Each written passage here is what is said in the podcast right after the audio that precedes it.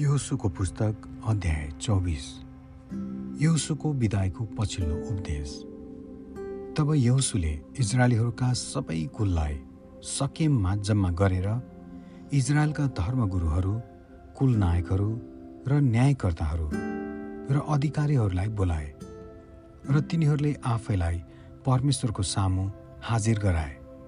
यहोसुले सबै मानिसहरूलाई भने परमप्रभु इजरायलका परमेश्वर भन्नुहुन्छ उहिले अब्राम र नाहोरका बुवा तेरह तिमीहरूका पिता पुर्खा युफ्रेटिस नदी पारी बस्थे र तिनीहरूले अरू देवताहरू पुज्थे। तर मैले तिमीहरूका पुर्खा अब्राहमलाई युफ्रेटिस नदी पारीबाट ल्याएँ र त्यसलाई कनान देशमा चारै दिशामा डोर्याएँ र त्यसका सन्तान वृद्धि गरे। मैले त्यसलाई इसाहक दिएँ। फेरि मैले इसाहकलाई याकुब र एसाब दिएँ। अनि मैले एसाबलाई त्यसका अधिकारको निम्ति शेरको पहाडी देश दिएँ। तर याकुब र त्यसका छोराहरू चाहिँ मिश्र देशतिर गए। तब मैले मोसा र हारुनलाई पठाएर त्यहाँ मैले गरेको कामद्वारा मिश्र देशमा विपत्ति पठाएँ र पछिबाट मैले तिमीहरूलाई निकालेर ल्याएँ। जब मैले तिमीहरूका पुर्खाहरूलाई मिश्र देशबाट निकालेर ल्याए। तिमीहरू समुद्रसम्म आइपुग्यौ र मिश्रीहरूले तिमीहरूका पिता पुर्खालाई रथ र घोडचडीहरू सहित लाल समुद्रसम्म खेदेर आए तर तिनीहरूले परमप्रभुलाई पुकारा गरे। अनि उहाँले तिमीहरू र मिश्र देशवासीहरूका बिचमा अन्धकार पारेर उनीहरूमाथि समुद्र फर्काई उनीहरूलाई डुबाइदिनुभयो। मैले मिश्र देशमा के गरेँ? सो तिमीहरूले आफ्ना आँखाले देख्यौ तब तिमीहरू धेरै दिनसम्म उजाड स्थानमा रह्यौ। मैले तिमीहरूलाई एर्दनको पूर्वपट्टि बस्ने एमोरीहरूको देशमा ल्याएँ। उनीहरूले तिमीहरूसित लडाइँ गरे र मैले उनीहरूलाई तिमीहरूका हातमा पारिदिएँ र तिमीहरूले उनीहरूको देश अधिकार गर्यौ। मैले उनीहरूलाई तिमीहरूका सामुन्य नष्ट पारे। तब मोआबको राजा सिप्पोरको छोरा बालकले इजरायलीहरूसँग लडाइँ गर्यो अनि तिमीहरूलाई श्राप दिनलाई त्यसले बेवरको छोरा बालामलाई डाँकी पठायो। तर बालामको प्रार्थना मैले सुनिनँ। यसै कारण त्यसले त बारम्बार तिमीहरूलाई आशिष पो दियो। यसरी मैले तिमीहरूलाई त्यसको हातबाट बचाएँ। त्यसपछि तिमीहरू एर्दन तरेर एरिहोमा आयो अनि एरिहोका मानिसहरू एमोरी परिजी कनानी हित्ती गिर्गासी हिब्बी र एबुसीहरूले तिमीहरूसित लडाइँ गरे। तर मैले उनीहरूलाई तिमीहरूका हातमा सुम्पिदिएँ। मैले तिमीहरूका अघि अघि एउटा अरिङ्गाल पठाइदिएँ जसले उनीहरूलाई एमोरीहरूका दुई राजाहरूलाई समेत तिमीहरूका सामुन्यबाट धपायो। त्यो तिमीहरूले आफ्ना तरवार र धनुले गरेनौ। यसरी तिमीहरूले मेहनतै नगरेको देश र तिमीहरू आफैले नबनाएका सहरहरू मैले तिमीहरूलाई दिएँ। तिमीहरू तिनमा बस्दछौ र आफैले नरोपेका दागबारी र भद्राक्षबारीका फल तिमीहरू खाँदछौ। यसकारण अब परमप्रभुले को भय मान र सारा विश्वासका साथ उहाँको सेवा गर। तिमीहरूका पिता पुर्खाहरूले युफ्रेटिस नदी पारी र मिश्र देशमा पुजेका देवताहरूलाई फ्याँक र परमप्रभुको सेवा गर।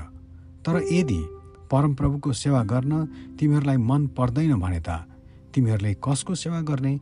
आजै तिमीहरूले रोज कि तिम्रा पिता पुर्खाहरूले युफ्रेटिस नदी पारी पुजेका देवताहरू कि तिमीहरू अहिले बसेको देशका इमोरीहरूका देवताहरू?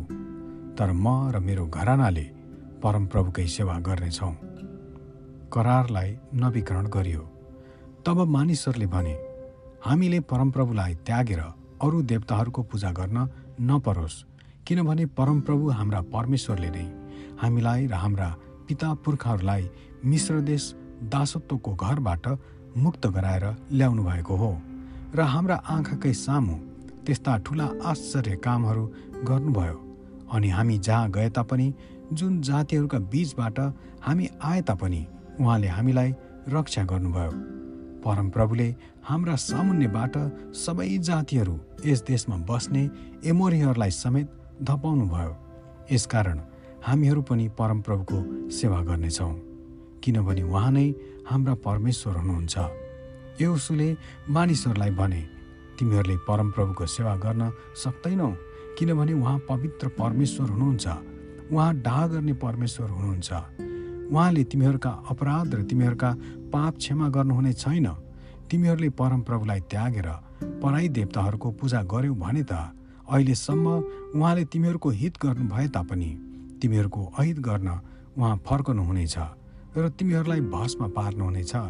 तर मानिसहरूले यहोसुलाई भने होइन हामी परमप्रभुकै सेवा गर्नेछौँ। तब यहोसुले तिनीहरूलाई भने तिमीहरूले परमप्रभुको सेवा गर्ने निर्णय गरेर तिमीहरू आफ्ना लागि आफै साक्षी भएका छौ। तिनीहरूले भने हामी साक्षी छौँ। यहोसुले भने यसकारण अब तिमीहरूसँग भएका पराई देवताहरूलाई मिल्काइदेऊ र तिमीहरूका मन परमप्रभु इजरायलका परमेश्वरतिर लगाओ अनि मानिसहरूले यहोसुलाई भने परमप्रभु हाम्रा परमेश्वरको सेवा हामी गर्नेछौँ र उहाँकै वचन सुन्नेछौँ। यहोसुले त्यही दिन मानिसहरूसँग करार बाँधे र सकेममा तिनीहरूका निम्ति विधि र विधान बनाए। यी सबै कुराहरू यहोसुले परमेश्वरका व्यवस्थाको पुस्तकमा लेखे। अनि तिनले एउटा ढुङ्गा लिएर परमप्रभुका पवित्र स्थाननेरका रुखमुनि स्थापना गरे।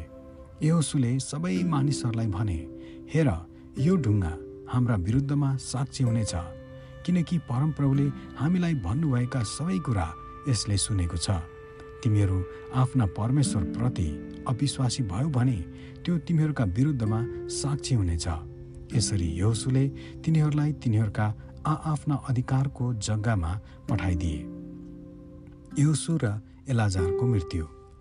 यी कुरापछि परमप्रभुका दास नुनका छोरा यहोसु एक सय दस वर्षको उमेरमा मरे अनि तिनीहरूले तिनलाई घाँस डाँडाको उत्तरपट्टि एफ्राइमको पहाडी देशको निम्नत सेरा तिनको आफ्नै अधिकारको साथभित्र गाडे। यहोसुको जीवनभरि र यहोसु मरेपछि बाँचेका र परमप्रभुले इजरायलको निम्ति गर्नुभएका सबै कार्यको विषय थाहा पाएका धर्मगुरुहरूका जीवनभरि पनि इजरायलीहरूले परमप्रभुकै सेवा गरे। इजरायलीहरूले मिश्र देशबाट ल्याएका योसेफका अस्ति सकेमका बुवा हमोरका छोराहरूसित याकुबले एक सय चाँदीका टुक्रामा सकेममा किनेको एक टुक्रा जग्गामा गाडे। त्यो ठाउँ योसेफका सन्तानको अधिकारमा पर्यो। अनि हारुनका छोरा एलाजार पनि मरे र तिनका छोरा पिनहासलाई एफ्राइमको पहाडी देशमा दिएको गिबामा तिनीहरूले तिनलाई गाडे। आमेन।